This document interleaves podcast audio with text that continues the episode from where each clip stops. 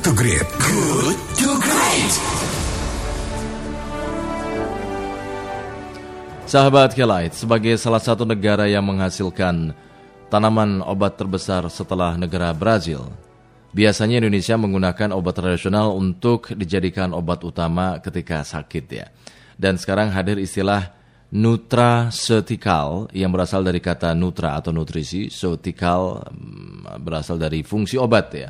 Maksudnya adalah pemberian nutrisi tertentu untuk mengantisipasi masalah yang akan muncul atau pemberian nutrisi untuk mengatur fungsi biologis tubuh. Dengan baiknya fungsi biologi, diharapkan tubuh ini akan mengobati sendiri segala bentuk penyimpangan. Nah, konsep uh, ini lebih bersifat prospektif ke depan, tidak hanya untuk mengobati atau mengatasi masalah.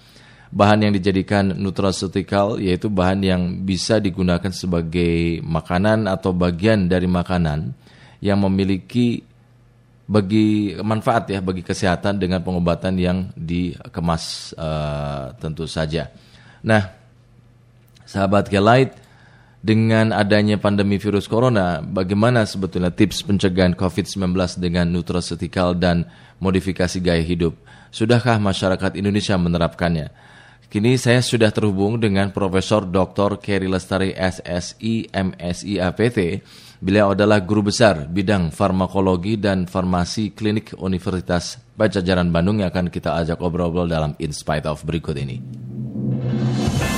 In Spite of. In Spite of. Assalamualaikum warahmatullahi wabarakatuh. Selamat pagi, Prof.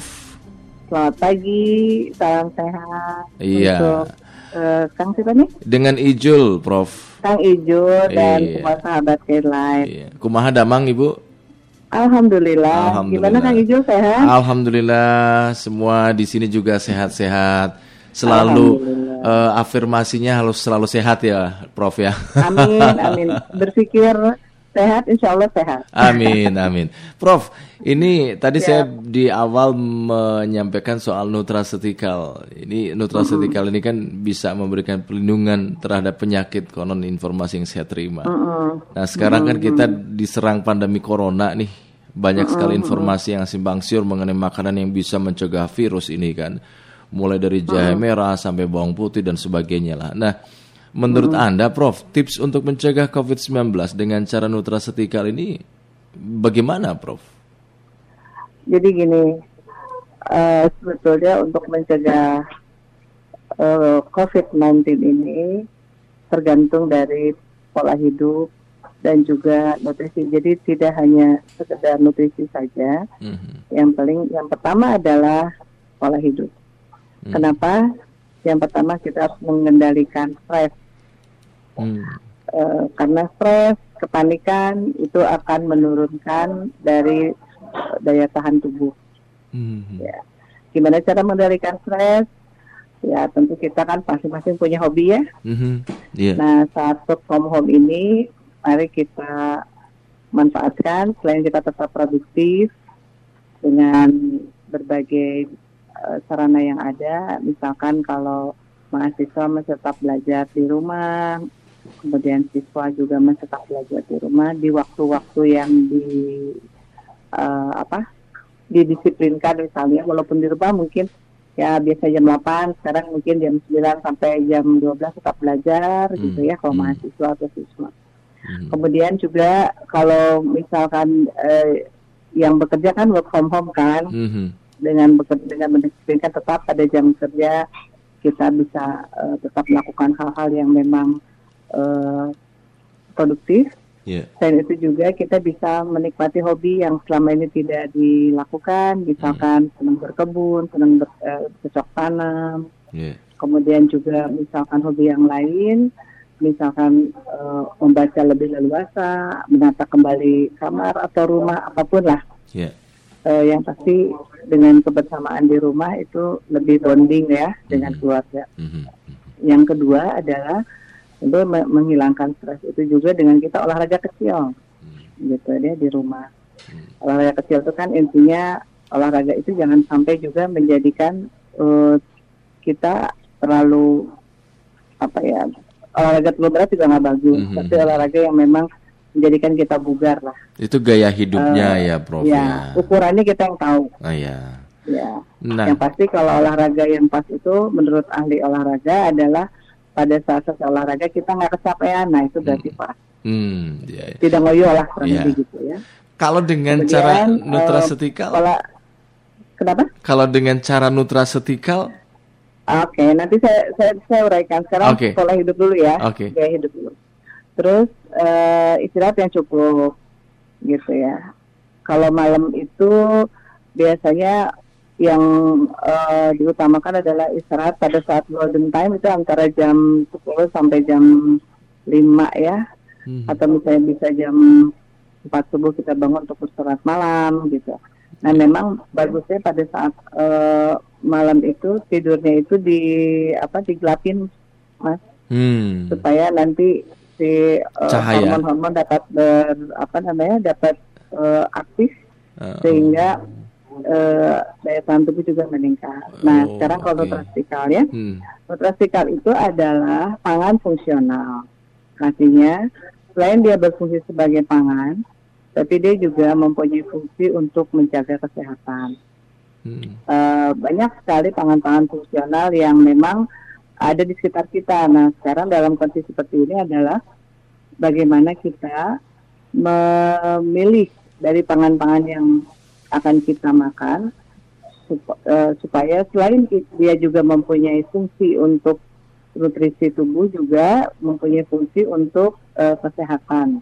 hmm. Nah, itu Mas fungsinya Hmm. dari nutrasikal itu. Banyak beberapa nutrasikal yang nanti di- eh, bisa kita uraikan satu-satu. Udah Iya. saya siapin. Biasanya yang dijadikan bahan untuk nutrasetikal ini apa aja, Prof? Oh, itu makanan sekitar kita. Oh. Misalkan eh, senang makan bawang kan? Aha, Nah, iya. ada yang suka makan bawang.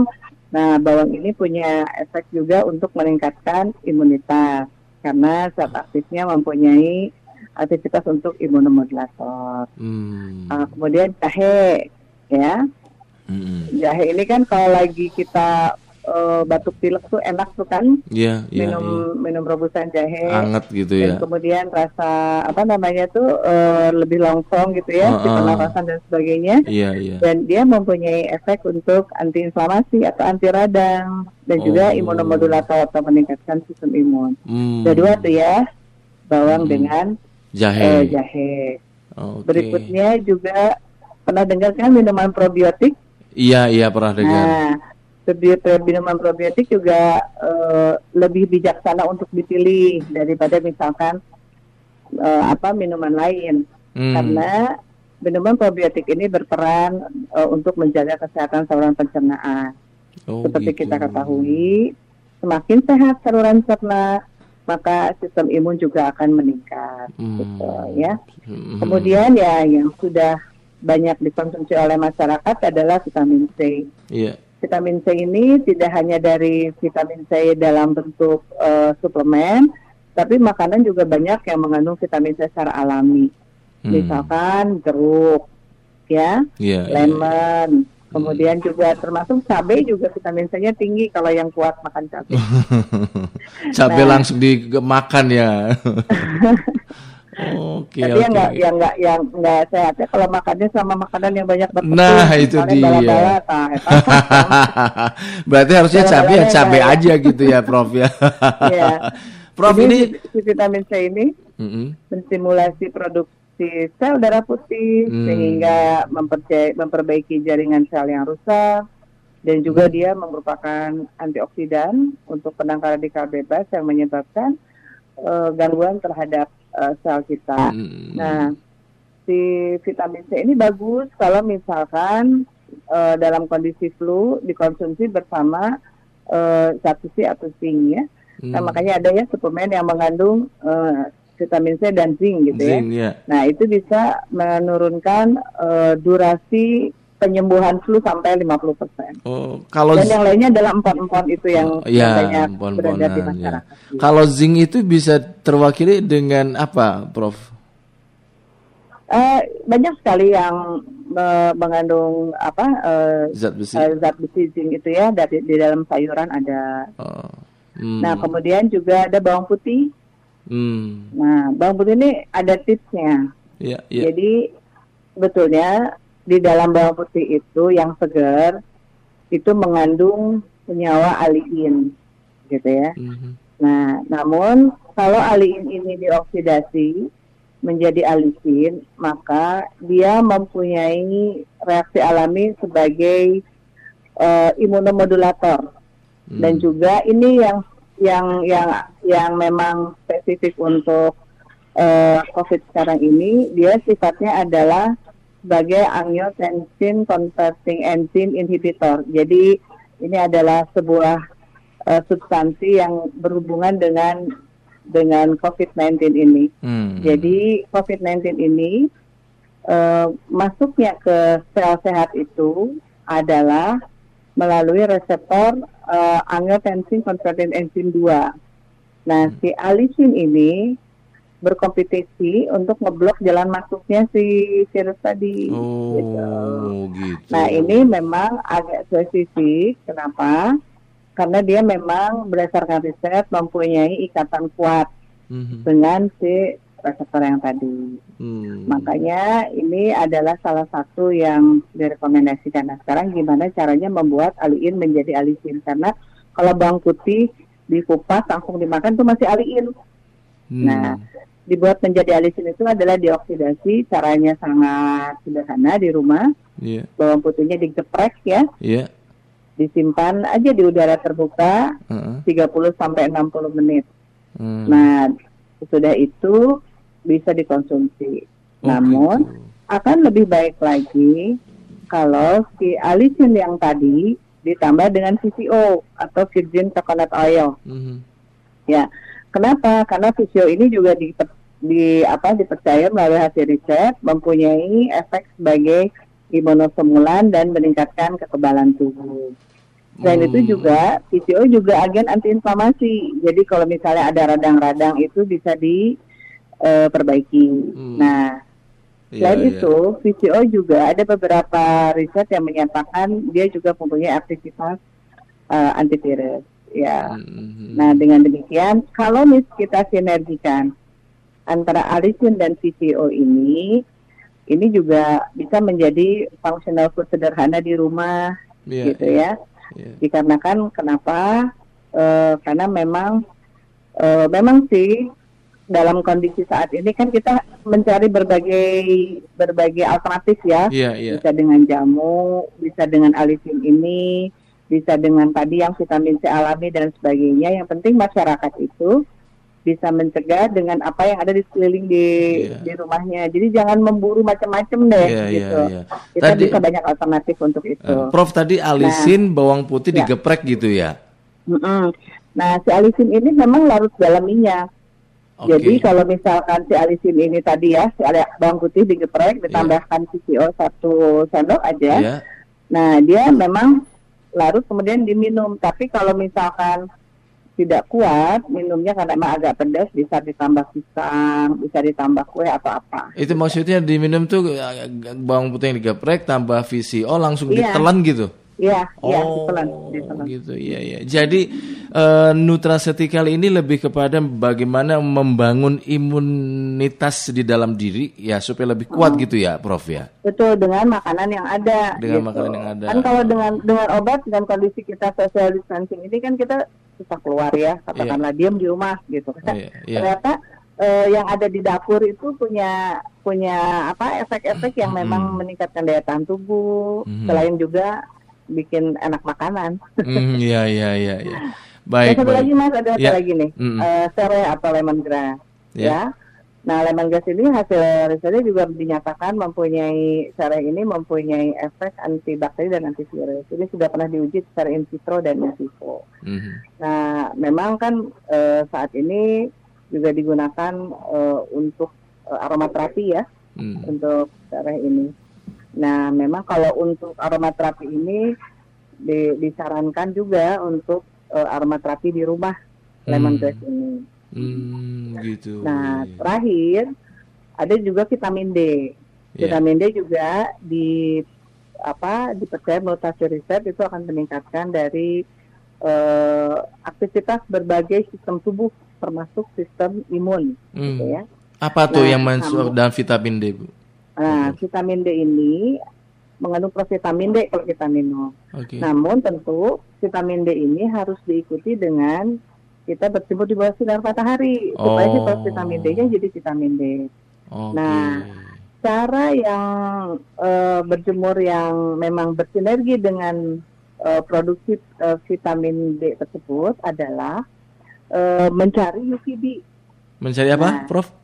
UVB, UVB. Kan UV itu ada dua, Ya. UVA dan UVB. Oke.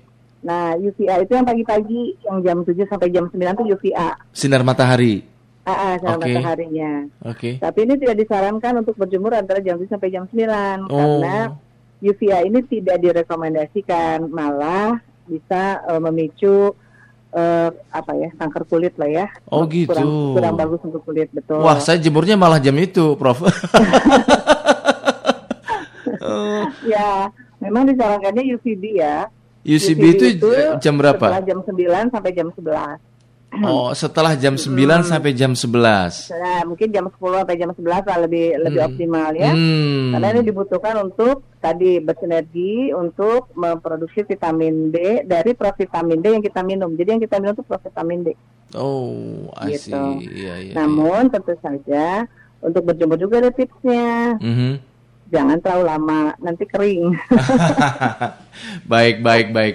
Prof, nggak, ini maksudnya gini, gini waktu Iya. berjemurnya itu cukup 15 menit untuk yang eh, apa ya mungkin maaf ya 15 menit untuk yang berkulit agak gelap tapi kalau yang berkulit terang cukup 5 sampai 10 menit aja gitu. Iya iya iya iya siap siap. Prof masih banyak yang ingin saya tanyakan cuman waktu kita terbatas ini Prof. Tetapi ah, alhamdulillah nih dapat banyak yang bisa kami lakukan tentu saja dan ini insya Allah bermanfaat untuk eh, sahabat kelat yang mendengarkan pagi ini.